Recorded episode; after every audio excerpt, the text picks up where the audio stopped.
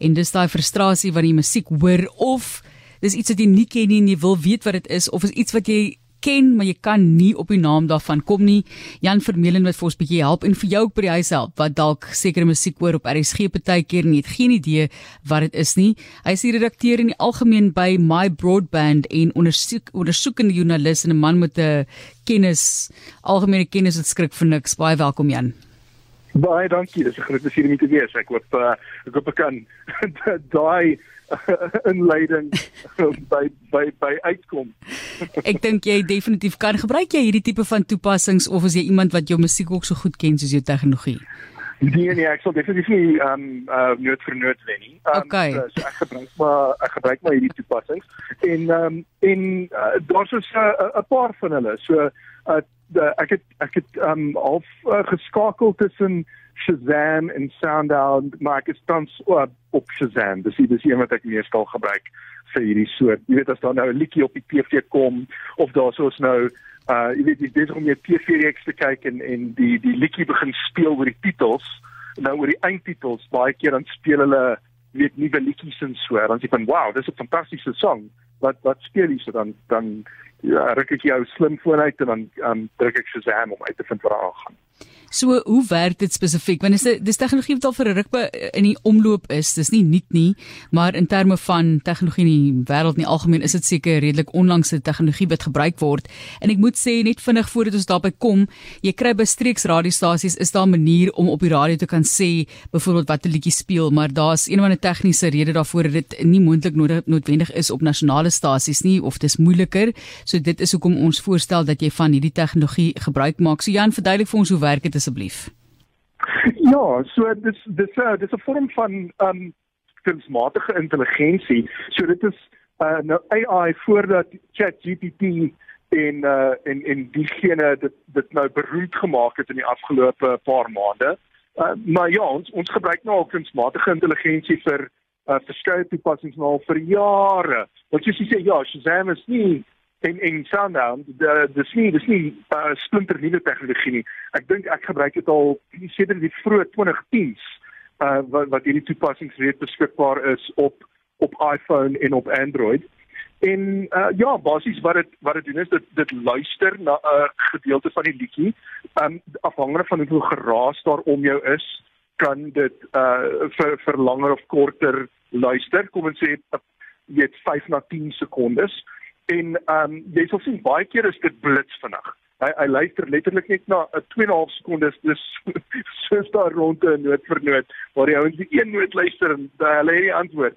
Ehm um, en so hierdie toepassings is uh, hulle kan hulle kan so wees as dit weet 'n be beroemdeste klassieke musiek is of so iets wat, um, wat hy maklik kan herken, maar as dit as daar baie geraas om jou is of as dit 'n meer ingewikkelde of nuwer uh liedjie is wat wat, wat hy dalk nie uh, baie uh wat hulle noem samples al van van geluister het nie. Um dan dan kan dit 'n rukkie vat vir hom om die die liedjie te identifiseer. Maar uh, dis basies hy luister daarna, hy skakel die die klank om in 'n halfe digitale vingerafdruk en uh en dan uh, het hy 'n kunsmatige intelligensie wat hom toelaat om dit dan uh, teen 'n uh, 'n uh, database van liedjies te vergelyk en dan spoeg hy antwoorde uit om vir jou te sê, "Ah, hierdie is ehm um, dit hierdie liedjie en uh, met sekere ehm um, uh, met sekere liedjies as as liedjies byvoorbeeld deur verskillende kunstenaars gesing word, kan hy dalk selfs vir jou die die regte kunstenaar identifiseer of ehm um, of die regte orkes." Ehm um, so ja, dis dis eintlik uh, baie baie interessante uh, goeie sagte ware. Uh, hulle kan dit verkeerd kry ook, maar maar dit gebeur self. So hoe gewild is dit? Ek dink is dit dalk jonger mense wat dit meer gebruik want daar's luisteraars wat bietjie ouer is wat vir my ook gesê het hulle gebruik dit selfs om hulle speellyste saam te stel en om hulle gunsteling liedjies te identifiseer. Ja, ja, ehm um, so ja, enige iemand wat wat darm net 'n bietjie van musiek hou, dink ek al het al ehm um, uh, net 'n paai gekry met met hierdie soort toepassing. Ehm um, en en dit is uh, nie net jong mense nie. Ek bedoel ek is so ek staan al naby aan 40, maar ek is 'n uh, uh, 'n waffer so millennial, uh soos hulle my noem, vir geriatric millennial. Uh dalk Ehm um, en en ek gebruik die toepassing. So dit is definitief nie net uh jonger mense nie. Ehm um, dis dis mense van alle ouderdomme wat wat hierdie soort toepassing gebruik vir verskeie doeleindes. Soos jy sê, partykeer is dit net om 'n om 'n liedjie te identifiseer.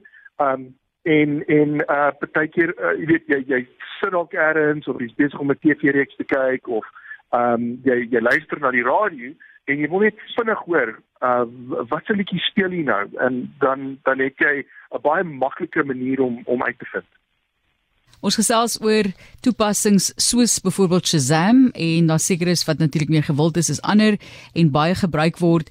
Wat dink jy van die toekoms?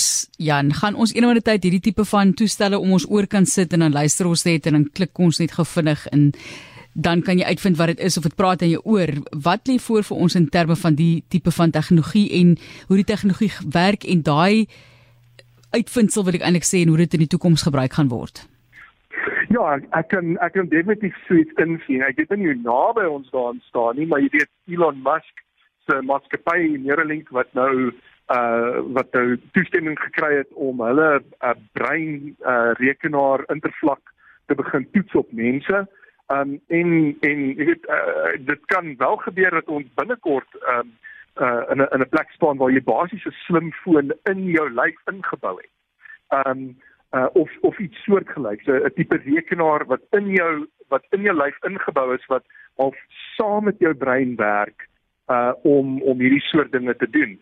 En ehm um, jy weet wat jou wat half jou eie intelligensie versterk op baie dieselfde manier as as wat rekenaars tans werk behalwe ehm um, in plaas van wat jy hom jy weet uh moet uithaal uit jou sak uit soos 'n slimfoon en dinge op 'n skerm in te kan jy net daaraan dink om om die funksie te ak aktiveer. Ehm um, ja, uh, dis nie dis nie noodwendig net wetenskaplik sien nie, maar om weet dit kan dit kan oor 2 jaar gebeur of dit kan oor 20 jaar gebeur.